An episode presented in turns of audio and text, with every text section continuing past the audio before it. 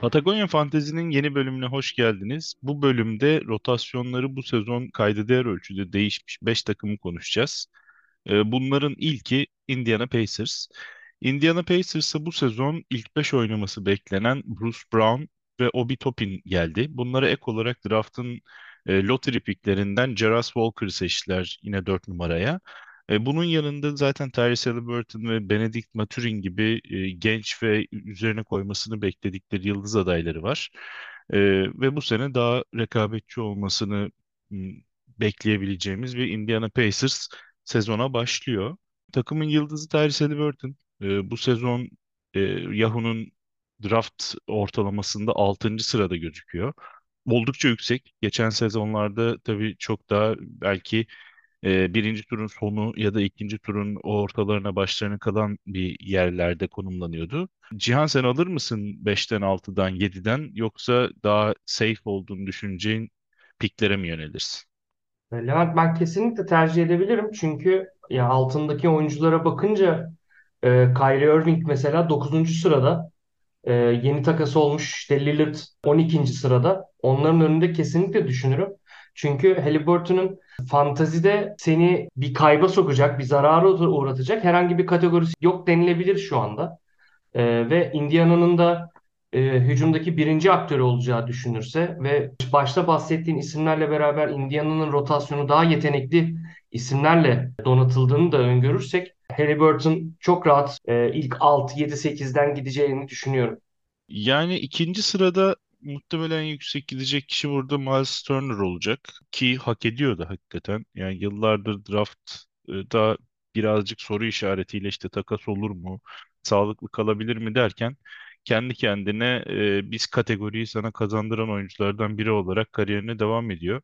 Açıkçası ben de belki üçüncü e, turdan e, denk getirirsem Miles Turner'ı düşünebilirim. Gayet e, güzel bir eklem olur. Hele ki uzun rotasyonunun sıkıntılı olabileceği böyle bir senede.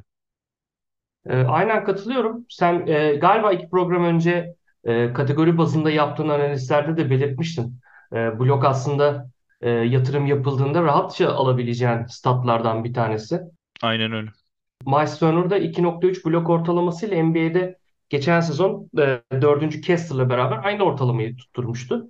Üzerine üstlük bir de 1.5 üçlük, 7.5 rebound gibi e, yan istatistikleri de var. O yüzden Miles Turner'ın da ilk 3 turda gideceğini düşünüyorum. 4. tura kalmaz. Benim gibi üçlük ve blok sempatizanı e, aynı oyuncudan üçlük ve blok e, alabileceğin oyuncula e, oyuncu kategorisine giriyor. O yüzden çok dördüncü tura kalacağını düşünmüyorum ben de. Diğerlerine ne diyorsun? Obi Toppin benim yıllardır yan gözle baktığım e, aslında potansiyelli gördüm ama bir şekilde onu gerçekleştiremeyen oyunculardan biri. Burada dener misin? Bekler misin? Ee, ya Obi Toppin'i ben açıkçası çok e, Indiana'da fanteziye katkı yapacak bir oyuncu olarak görmüyorum açıkçası. Ha, New York'ta e, Kinden nasıl farklı olarak kullanılır, nasıl verim alınır onu biraz sezon ilerledikçe görmek lazım. Ama e, benim onu çok benzer bulduğum Jaden Smith var mesela rotasyonda. Hani ikisi de atlet, ikisi de dış, dış e, kullanabiliyor. Ne kadar becerili attıkları soru işareti. Ee, ama ya orada biraz şey var. Hmm, Rotasyonda ne kadar yer bulacağı bence soru işareti. Çünkü Bruce Bowen'ın şöyle bir etki, ekleme. Bruce Bowen'u yedekten getirip 3 pozisyonu falan yedekleyebiliyorsun. Ve maçı kapatan beşte rahatlıkla 4 numarada güvenebilirsin aslında Bruce Bowen'a. Çünkü 2 numarada büyük ihtimal Buddy Hield'ın ilk 5 başlayacağını varsayarsak e, arkadan da Benedict Mathurin gibi bir skorer var. Ee, o yüzden Obi Toppin'den beklentilerimi ben ilk başta düşük tutuyorum. Fantezi açısından bakarsak Indiana'da Haliburton ve Turner'dan sonra bence en katkı verecek isim ya Bruce Bowen ya da yani biraz three point specialist olmasından dolayı e, Buddy Hield olabilir. Benedict Mathurin'i biraz görmek lazım. Geçen sezon sendeydi. Skor olarak evet hani güzel sayı ortalaması tutturabilir ama sa- sadece skorla da şey yapılmıyor. Yani points dediğin gibi en rahat coverlanabilir alanlardan bir tanesi. Ee, atıyorum draft'ın 6. 7. turunda da 15 sayı ortalayan birini bulabilirsin aslında. Ee, o yüzden bence Bruce Bowen e, Indiana Pacers'ta üçüncü sırada e, fantezi açısından bence. Ben muhtemelen çekimser kalacağım oradaki rotasyondaki çoğu oyuncuya. Yani Benedict Maturin gerçekten çok tek yönlü bir oyuncu. İşte düşük field golle e, 20'ye yakın sayı ortalıyor ama hakikaten senden çok şey götürüyor paralelinde. Bruce Bowen evet e, en belki ayağı yere basan tercih olabilir buralarda. E, hani nerelerden gider? Muhtemelen draftın son roundlarına kalacaktır zaten. 9-10 civarında gitmesi muhtemel olabilir. E oralardan da alacağım bir adamın böyle bir e, ortalamada birçok şeyi yapabiliyor olması güvenli gözüküyor. E, Buddy Hield benim genelde kaçtığım oyuncu tiplerinden biridir ama çok düzenli üçlük katkısı veriyor. Dolayısıyla bu sene mesela ona daha sıcak bakıyorum. Hele ki Indiana'nın birazcık daha e, işte rekabetçi olmaya çalışacağı bir senede bence daha derli toplu disiplinli bir takımda onun üç buçuk dörde yakın verdiği üçlük katkısı hakikaten çok kıymetli olabilir. E, abi şöyle bir şey de var. Buddy? Hield'ın field golü de yüzde e, 45-46 civarında. Hiç fena değil. Ve 1.2 steal'ı da var. E, free throw'u da yüksek. O yüzden Kaya aynı katkıyı alsa yani verse bu senede e, yine draft'ın değerli parçalarından biri olabilir. Keza Bruce Brown'un da 1.7 stok ortalayıp %48 field goal, 1.1 üçlük, 4 rebound, 3.5 asist gibi aslında e, birkaç tane kategoriye hatırı sayılır katkı yaptığını da düşünebiliriz. E, o yüzden Bruce Bowen'ın sırf bu özelliğinden bile bundan dolayı bile e, draftta iyi iş yapacağını düşünüyorum açıkçası. Ayrıca Bruce Bowen point guard, shooting guard ve small forward olarak geçiyor Yahoo'da. O yüzden 3 farklı pozisyonda da e, kullanabiliyorsunuz. E, bu da fantazinin biraz hani düşük ama e, bence önemli e, özelliklerinden bir tanesi. Evet kesin öyle yani e, hele ki e, işte çok maç olduğu günlerde gerçekten bazen o elastiklik daha kaliteli oyuncuyu tercih etme şansını sağlayabiliyor. Hani sırf onun için draft yapılmaz tabii ama bir artıdır yani kat bir takımda olmasından faydalanabileceğin bir özellik o versatilite. Aynen. E, Aynen. geçelim Memphis'e istersen. E, Olur. Memphis'te bu sezon hem yeni gelen oyuncular açısından bir iki değişiklik var ama belki de rotasyonu en çok etkileyecek şey e, Ja Morant'ın 25 maç olmayacak olması. Onun yerini direkt olarak Marcus Smart dolduracak gibi gözüküyor ilk beşte. İlk 5 itibariyle de Marcus Smart, Desmond Bane, John Concher, Jaren Jackson Jr. ve Steven Adams e, muhtemel olarak başlayacak. E, Derrick Rose geldi. Yedekte e, point guard'da e, katkı sağlayacak. Geçen yıl New York'ta fena işler yapmamıştı aslında kısıtlı zamanlarda. E, burada uzun rotasyonu bir facia tabii ki. E, yani Jaren Jackson Jr. zaten hem PF hem center oynayabiliyor ama Steven Adams ve arkasındakiler e, Santi Aldama, Javier Tillman, e, David Roddy, Jake LaRavia hani hangisine adım atsanız ötekinin e, bir tık önünde bile kalmama riski olan tercihler. Dolayısıyla oradan biraz kaçacağım şahsen. E, mesela geçen yıl işte Jake LaRavia bu e, set arasında belki en az vakit alandı ama hani preseason itibariyle diğerleriyle yakın zaman alıp bir de yüksek sayı ortalamaları yapıyor. E, çok çelişkili ve güvenilmeyecek durumlar bunlar. Bir yandan Jaren Jackson Jr. benim bu drafttaki belki en çok istediğim bir iki adamdan biri. E, ve hani bizim lig 14 takımlı bir e, birinci turda açıkçası e, sonlarda çıkarsam rahatlıkla tercih edebilirim. Oradaki işte Devin Booker gibi veya işte biraz daha e, güvenli görülebilecek piklerin yanında ben Jaren Jackson Jr.'ı uzanıp da alabilirim. E, sen nasıl görüyorsun genel olarak Memphis'i? E, aynı duyguları paylaşıyormuşuz. Draftta inşallah draftın sonlarında arka arkaya olmayız. E, ben draftın hiçbir yerinde seninle önlü arkalı olmayı sevmiyorum. Zaten de bu sene e, sanki aynı oyunculara göz dikiyormuşuz gibi hissettim. O yüzden biraz korkmadım değil. Böyle olunca çünkü oyuncuları hep önden sen alıyorsun. Ya Memphis'e gelirsek dediğin gibi Ja Morant'in bir 25 maçlık şeyi var, cezası var. O yüzden e, Marcus Smart sezonun o ilk 25 maçı için aslında starter bir point guard olarak e, bayağı katkı verebilir. Lakin işte 25 maçtan sonra işte Smart'ın e, durumu ne olacak? Burada ben şöyle görüyorum açıkçası. Hani projected ilk beşte işte John Conchar falan filan böyle ilk beşte gözüküyor. Ama ben e, Smart'ın Ja Morant, Desmond Bane, Jaren Jackson Jr. e, çekirdeğinin yanında en çok süre olan dördüncü oyuncu olmasını bekliyorum açıkçası. Bence de %100 öyle ya. Bu arada e. Memphis'in genel oyun yapısına da müthiş uyan bir e, karakteri Aynen. olduğu için hani orada e, %100 çok süre alacaktır. Ve çok da hı. katkı sağlayabilir. Tabii. Ben, ben de öyle düşünüyorum. E, Memphis'in yedek uzun rotasyonunu kesinlikle yani bir sakatlık olmadığı sürece girmeyi düşünmüyorum. Sadece şunu belirtmek isterim. Geçen sene Jaren Jackson Jr. sezona sakat başlamıştı ve sen Santi Aldama'yı alarak başlamıştın.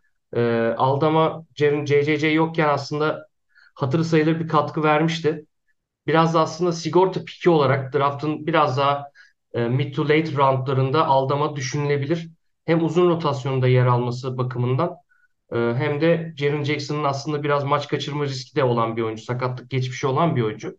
Onu coverlamak isteyen e, menajerler için aslında bir seçim olabilir Santi Aldama. Ya çok zor tercih işte. Çünkü e, işte Jaren Jackson olmazsa 4 numaradan e, rotasyona girecek birileri olacak. E, orada da hakikaten kime kalır Hmm, kestirmek zor bu sene. Çok Atıyorum matchup bazlı oluyor. Geçen sene de öyle olmuştu. evet Ya bir maç Xavier Tillman çıkıyor, double double oluyor. Aa diyorsun hadi Efe'ye gideyim alayım. Sonra bir bakıyorsun işte John Conchar çıkmış. İşte efendim Kenneth Lofton Jr. çıkmış falan. Orası biraz şey e, izleyip görme yeri. Eğer sakatlık olursa tabii. Yoksa zaten çok e, kale, kale alınmayacak demeyeyim de draft, draft edilmeyecek oyuncular arasındalar bence. Ya mock draftlarda Marcus Smart altıncı roundda gidiyor bu aralar. Ee, işte hemen arkasında giden oyuncular mesela işte Michael Porter Jr., Derek White, Buddy Hield, Robert Williams gibi alternatifler var. E, sen altıncı rounddan girer misin Smart'a? Ben mesela girebilirim evet. Yani direkt kendi yorumumu yapıp geçeyim. Ben, ben de ben de eğer çok böyle field goal'ümü field golümü şey yapmayacaksa etkilemeyecekse ben de kesinlikle girebilirim. Ki ben zaten biliyorsun çok öyle field goal kas- kasan da bir menajer değilim. Sezon ilk 25 maçı da yani hatırı sayılır bir vakit yani. O yüzden Tabii canım. ligde e, hani biraz daha önde başlamak için safe bir tercih. Pekala buradan Los Angeles Lakers'a geçebiliriz dilersen. Lakers'ta Tabii. bu sene hakikaten iyi işler yaptığı gibi gözüküyor kağıt üstünde. Kolay hamleler açıkçası atladı ve e, isimler değil kağıt üstünde ama kimler geldi dersek Gabe Vincent Miami'den geldi. Christian Wood geldi. Jackson Hayes geldi. Taurean Prince geldi. Ki e, Lakers'ın geçtiğimiz sezonlarda ne kadar bu kadro derinliğinden canını sıkıldığını düşünecek olursak oraları gerçekten rahatlatabilecek kişiler gibi duruyor. Ya orada şöyle bir illüzyon var. Bilmiyorum bir tek bende mi var ama e, Gabe Vincent'ın iyi bir üçlükçü olabileceği ya da üçlük ihtiyacını karşılayabileceği yönünde ama Vincent'ın üçlük istatistikleri hiç de iyi değil bir yandan. Data vermek gerekirse geçen yıl mesela Gabe Vincent'ın Miami'deki üçlük yüzdesi %33, bir sene önce %36, bir sene önce %30. Dolayısıyla hani e, LeBron'un yanına alman gereken ideal üçlükçü Vincent mı? Şüpheli. Ee, ama aynı katkı verecek midir? Elbette.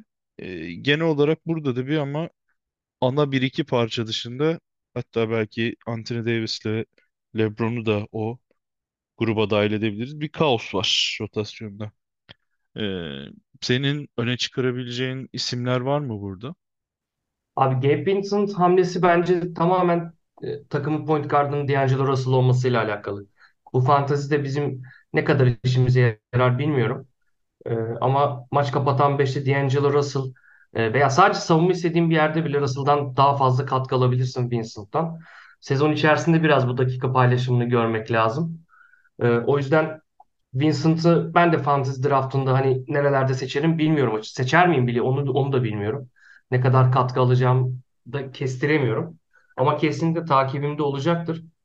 Yani Lakers'ta fantasy e, bakımından birkaç tane başlığım var benim de. Birincisi ilk, ilk gördüğümde seninle de paylaşmıştım. Anthony Davis açıklama yapmış. Bu sene 82 maçın hepsinde oynamak istiyorum diye. Bu fantasy menajerlerinin e, güzel rüyalarından biri olabilir. Sağlıklı kaldığı takdirde. İmkansız öyle bir Onu şey ya. Yani son 5 sezondur ortalama 50 maç civarı oynayan bir oyuncu olduğunu düşünecek olursak hakikaten büyük bir tuzak gibi geliyor bana. Ya vaktinde bu yaz ne yaptın sorusuna topa bile dokunmadım tarzı açıklamalar yapmıştı ama geç bu yazı e, çok iyi geçirdiğini e, hem kendi hesabından hem de e, biraz training camp e, takip ediyorsanız görmüşsünüzdür. O yüzden average draft pick'ini biraz yükseltebilir. Ona geçmişte güvenini kaybeden menajerleri kendine tekrar çekebilir. E, Sen onun kaçtan dış düşünürsün mesela? Yani benim için eee, yani ilk roundun dışında kalıyor diyebilirim. Yani mesela ilk roundun sonlarında gözüküyor mock draftlarda ya da ADP'de ama benim için mesela Domantas Sabonis'te, Jaren Jackson Jr.'da Anthony Davis'in önünde bu sene. e, benim için de kesin Sabonis'in önünde. Jaren Jackson Jr. konusunda biraz şeyim, ikilemde kalabilirim. Ama dediğin gibi Anthony Davis'in e, ADP'si 13 bir 13'tü yanlış hatırlamıyorsam ve yani 13'ü o- 14 takımla birlikte ilk turun sonlarına kalırsam herhalde gözüm kapalı tercih ederim bu Kura Sabonis'e vesaireye karşı. Hmm. Ya o riski alırım yani. Zaten draft 13. sıradan seçiyorum. Ben mesela direkt Sabonis'e giderim orada. İyi en Ya işte azından o bir iki şey tercihte ayrılalım o aralıktaki. aynen aynen. Ee, Austin Reeves e, tabii bu senenin e, göz önünde olabilecek piklerinden biri. Hani geçen yıl kayda değer bir yer edinmiştir rotasyonda ve hani o ölçekte de devam edecek gibi duruyor. Mock draftlarda sekizinci roundda gidiyor. Fena değil. Ee, yani çok seksi bir tercih değil hakikaten ama hani arkasından kimler gitmiş diye bakınca son mokumda işte John Collins, Gary Trent Jr., Daniel Gafford, Wendell Carter Jr. gibi isimler var. Ee, ben bunların önünden tercih etmem gibi hissediyorum. Sen nasıl bakıyorsun? Abi Reeves'in bence şöyle bir avantajı var. Birinci sırada hani bu sezon 2 ve 3 numaralı pozisyonda çok dakika alacak. İlk 5 bile başlayacağını düşünüyorum. Muhtemel. LeBron'un kaçıracağı, dinlendireceği maçlarda daha da fazla e, katkı vereceğini düşünüyorum. O yüzden Austin Reeves'e ben aslında e, bu sezon öncesi biraz yükselmiş durumdayım. Amerika milli takımına da seçildi hatırlarsan. Bu sene şampiyonada da boy gösterdi Austin Reeves. Kendini geliştirmeye de devam ediyor. Ha, bu fantezi basketbola ne kadar yansır emin değilim. Çünkü orada forvet rotasyonunda işte Jared Vanderbilt'ler, Rui Hachimura'lar, Taurean Prince'ler, Cam Reddish'ler falan filan biraz orası şey. E, hadi Anthony Davis'in yanına Christian Wood'u koysan 4 numarada da Hani orada orası da biraz kalabalık. O yüzden onu daha çok en eksik bence en eksik oldukları yer iki numarada değerlendireceklerdir. Ee, ya dediğim gibi ben ya çok öyle major bir katkı beklemiyorum. Ama sanki böyle düzenli düzenli belli bazı statları düzenli alabileceğim bir draft seçimi gibi olabilir. Ya doğru bence de öyle bu arada. Ee, Hani seni sadece işte FG'de üzmez, turnover'da üzmez, biraz steal yapar, bir, bir, bir, birkaç üçlük atar gibi düşünüyorum açıkçası. Yani bana upside'ı çok problemli geliyor. Ya Öyle tabii. bakınca da işte yedinci sekizinci rounddan e, daha bir vade olan en azından oyuncuyu denemek bana daha cazip geliyor ama e, olabilir tabii. Mesela yani mocklarımdan birinde hemen arkasından Jabari Smith Jr. gitmiş. E, Jabari Smith'i deneyebilirim mesela o ölçekte ama tabii şey de alakalı yani. Önceki piklerde nasıl bir takım kurdun, oraya nasıl bir risk taşıdın vesaire. E, ilk, ilk piklerinde riskli bir omurga yarattıysan evet arkalardan neden olmasın. Ya o araları doldurabilecek bir isim. Ya eğer böyle safe bir pick'e ihtiyacınız varsa e, mid to late roundlarda bence şey yapıp değerlendirilebilir. Dediğin gibi LeBron ben Efendi'yi ne katılıyorum sana. yapacağız peki ya? LeBron Efendi kaçtan gidecek? LeBron Efendi ADP'de kaçıncı? Dikkat ettin İşte mi? mid second gibi gözüküyor şu an. Ya abi bilmiyorum ki yani maç kaçırmaya başladı LeBron. O sıkıntı. Biraz yaş aldı onunla alakalıdır. Bir tık. NBA'nin en yaşlı oyuncusu abi şu anda. Evet ve zaten bir iki sezondur da Kaan Kural abimiz de sıklıkla söylediği gibi NBA'in en fazla devir yapmış da oyuncusu yani. Hani yaş olarak Evet. da tamam orada ama aşırı da fazla maç oynamış bir adam. Evet. Ben Am, ben yine ya almam bu arada. tabii. Tabii. Ama 29 mesela bir, gözüküyor çılgınlıkla ADP'si. üçüncüye, dördüncüye düşse o zaman da bayram ederek alırım. Abi bak o olabilir işte. Yani benim de ya her tarafta var çünkü. Evet. Bir belli bir belirli kişilere karşı böyle bir ön yargı oluşuyor. Haklı veya haksız. Efendim işte Kyrie Irving mesela geçmiş yıllarda çok yaşandı bu. Sonra draftın aşağılarına doğru kaydı. En sonunda bir o riski aldı. Evet. Sonra bir baktılar, aa Kyrie oynuyormuş oldu. Sonra sezonun ikinci yarısı bir tekrar bir umutlandılar falan filan. Benim tercih edeceğim bir pik değil abi. Hani ya adam 37 yaşında 29 8 3 6 8 yaptı. Yani tercih etmediğim adam da o yani. Ama Yani tabii işte LeBron James'in de senin benim tercihimize ihtiyacı yok zaten. O yüzden gönlümüz rahat atıp ya tutabiliriz. tabii ama fa ya ba- fantezi basketbol oyunu bu abi. Yani o, ma- maç kaçırma riskini LeBron'dan ziyade ben Jaren Jackson Jr.'dan, Anthony Doğru. Davis'ten almayı şu an tercih ederim mesela. O zaman bir başka maç kaçırma riskinin transferi olduğu Golden State Warriors'a geçelim. Ee, buraya da Chris Paul geldi. Ee, benim çok sevdiğim, senin hiç sevmediğin biridir. Ee, yıllardan beri. Ee, ana omurga tabii ki sabit. Curry, Klay Thompson, Andrew Wiggins ve Draymond Green oynayacak. Bu sene burada e, Jonathan Kuminga birazcık preseason performanslarıyla da göz kırptı. Ee, her sene ona da son yıllarda bir bet atılır. Genellikle hayal evet. kırıklığıyla ondan sonra free agent'a düşer. Ama bu sene o sene hı. olabilir belki onun için. Çünkü e, gerçekten doldurulması gereken dakikalar var yedekte forvet pozisyonunda. Dolayısıyla benim e, değerlendirebileceğim bir pick olabilir late to mid round, mid to late roundlarda. Dario Saric gelen başka bir isim. Usman Garuba gelen başka bir isim. Açıkçası Fantasy NBA skopunda bir yerleri olduğunu düşünmüyorum. Ee, Corey Joseph geldi point guard yedeği olarak. Ee, Chris Paul, Stephen Curry onlar varken tabii normal şeyde rotasyonda çok belki kayda değer bir yer edinemez ama Paul'ün sene içerisinde illaki maç kaçıracağı zamanlar olabilir. O zaman özellikle flyer olarak haftalık matchup'larda değerlendirmek ilginç olabilir. Ee, sana şöyle pas atayım. Şimdi Paul'ün gelmesi geçen yıl bu takımın en asistçi oyuncusu olan Draymond'ı nasıl etkiler sence?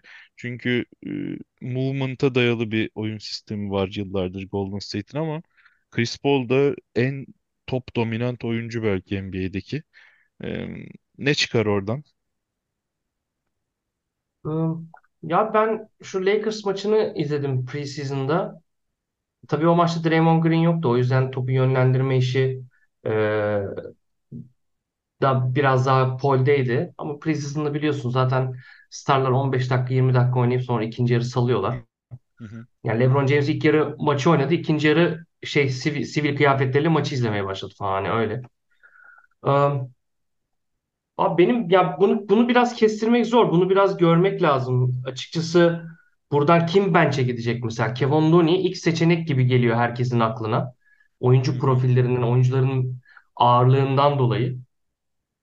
Hani öyle bir durumda yani bir tane daha top dağıtıcıya ihtiyacı vardı Golden State'in. Çünkü Draymond'un sahada olmadığı zamanlarda tamamen hani Curry yakalıyordun neredeyse. Curry'nin sadece Curry'nin yaratıcılığı, şutu, işte Andrew Wiggins'in post-up oyunu, Clay'in işte perdeden çıkıp zaten klasik bir, biraz tahmin edilebilir bir şey haline geliyordu. Takım haline geliyordu Golden State. Ha, geçen sene ligin en çok top kaybı yapan takımları takımıydılar. Chris Paul'ün gelmesiyle bu ne kadar değişir? Çok emin değilim. Ama fantezi açısından Ya bir şey uyduramıyor ya. Çünkü Chris Paul o kadar geçtiğimiz sezonlarda topu sürekli elinde isteyen, o yüzden asist ortalamaları çok artan bir oyuncu. O kadar öyle bir oyuncuydu ki ya Golden State'te nasıl duracak hiç emin değilim. Ya preseason'da işte dün geçen günkü maçta ofens şey yapmadı. Yani Curry mesela klasik e, topsuz koşularını yaparken hemen onu aradı. Biraz o alışmış gibi biraz. E, hani topu Curry ile daha hızlı buluşturmayı kastediyorum. E, Bence bu arada zaten e, Paul'ün vereceği kararlar açısından hiçbir şüphe yok. Yani o o e, işte Golden State'in motion offense'ında boşa çıkan herkesi en ideal noktada zaten bulabilir ama e, topu daha fazla elinde tutmayan bir Draymond, e, işte daha off ball oynayacak bir Stephen Curry. Bunlar nasıl olur acaba? Onu çok kestiremiyorum. Yoksa evet bence zaten e, genel verimlilik artışı olmasını bekleyebiliriz gibi geliyor. ya tabii ya, ya şöyle yani Chris Paul yaşlansa bile hala hani hmm, savunmada çok öyle bir liability değil. Atıyorum hücumda e, bırak köşede üçlüyü atsın nasıl olsa kaçırır diyebileceğim bir oyuncu değil. Evet. Sadece biz onu senelerdir o şekilde oynamadığı için bu bu şekilde oynaması biraz bize şeye geliyor. Tabii ki geçen sene mesela maç başı 12 şut kullanmış. Bu sayı azalacak bence bu sene. Hani takımın ana rotasyonda bir sakatlık vesaire olmadığı sürece. Ee, bir an biraz izleyip görmek lazım. Draymond zaten hücumda topla çok az oynayan bir adam. Ee, daha çok tepeden oyun kurmasıyla biliyoruz onu. E Şimdi düşünsene o sağ, aynı aynı e, yarı yarı sahada hem Paul gibi hem de Draymond gibi iki tane pas opsiyonun var. Ee, Peki Kö- bunu Curry'e nasıl kaçtan giriyorsun? Onu da bir netleştirelim. abi Curry'e ben fırsatım olduğu her yerden ilk girerim ya. Ya ilk derken yok hiç yani birinci sayı kastetmiyorum. Hani tut ki ilk 3 4 dışındayım. Hı. Bak şöyle diyeyim ilk 4 dışında kaldığım her senaryoda Curry'i ilk seçmeye şeyim. Ya Halliburton ve Tatum'un önünde olma potansiyeli var sende. Ya benim için o. Doğru. Biraz tabii Curry ile Curry'nin çok sevdiğim, en sevdiğim basketbolculardan biri olması. Fantezide e, hedeflediğim kategorilerde çok iyi katkı vermesi vesaire vesaire gibi yan şeyler de mevcut. E, ama ya bilmiyorum. Zaten Yahuda ADP'si 7 benim dediğimde. Hı. Hani ben hani 5. sıradan seçersem 2 sıra reach yapmış olurum en fazla yani. O zaman bir de son takımımıza geçelim. Ee, oranın da zaten en fazla belki öne çıkan oyuncusu Golden State'ten gelen isim. Ee, Washington Wizards. Oraya da Tyus Eyvah Jones, eyvah. e, Jordan Poole, Bilal Coulibaly geldi. Ee, Kyle Kuzma ve Daniel Gafford duruyor. Ee, Jalen fantezi Wright var. açısından cennet gibi bir takım bu arada. Ee, işte kendi kendine artık alabileceği maksimum süreyi alabilecek bir Daniel Gafford. Kuzma Poole zaten eline alacağı her topu atıp düşük FG ile yüksek sayılar, skorlar çok rahat yapabilecek isimler. Ya da Tyus Jones geçen yıllarda hep yedekten gelip iyi düzenli asist steal katkısı verebilen bir isimdi. E burada starter olarak çok kolay 7-8 asistlere ulaşma potansiyeli olabilir. Yani bu oyuncuların hepsi mid roundlardan itibaren e, benim kafamda çok rahat değerlendirebilecek oyuncular. Ee, Jordan Poole özelinde mesela diyecek olursak benim son yaptığım iki mock draft'ta dördüncü sıradan gitmiş. İşte hemen üstünde Walker Kessler'lar, Jarrett Allen'lar, hemen altında OG Anunoby'ler, e, Josh Giddey'ler, Zach LaVine'ler var. Evet yani benim kafamda da hakikaten o standartlarda gözüküyor bu sene. İşte 28 sayı, 4 rebound, 4 asist falan yapma potansiyeli olan bir isim. %34 field goal. Aynen öyle. Ee, ya Washington e, draft açısından bence çok rahat bir takım şu anda. Yani ilk 5 oyuncusundan dördünü e, ne istediğine göre değişecek şekilde rahatça seçebileceğin bir takım bence. Ve gerisine de hiç bakmayabileceğin. Aynen öyle. Aynen öyle. Ya belki biraz Delon Wright, Corey Kispert. Yani Hani D- biraz asist steal zaten arıyorsan Delon Wright. e, buyout olabilir mesela. Onun da garantisi yok. Ya tabii. Ya ama ya me- mesela buradaki en safe bet bence şey. Mesela Tyus Jones. Yani Memphis'te de yani hiç top kaybı yapmadan üçlük, asist bu statları çok güzel doldurabilen bir e, oyun tarzı vardı. E, Ja Morant yokken özellikle.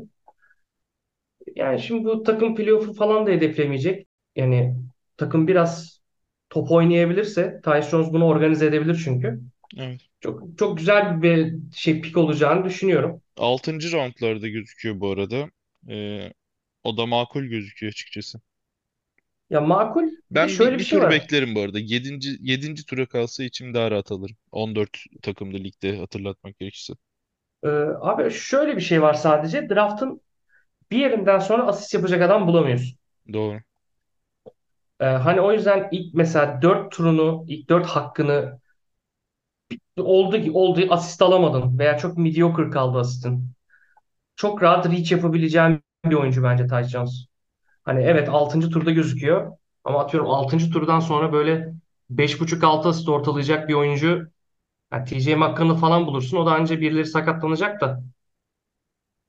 Hani orada Tyce Jones bence reach edilebilir, uzanılabilir kategoride benim gözümde. Aynen öyle. Bugünkü takımlarımızı da bitirmiş olduk böylelikle. Ee, bir sonraki Aynen. bölümde detaylı draft konuşacağız. O zaman bir sonraki bölümde görüşmek üzere. Görüşmek üzere.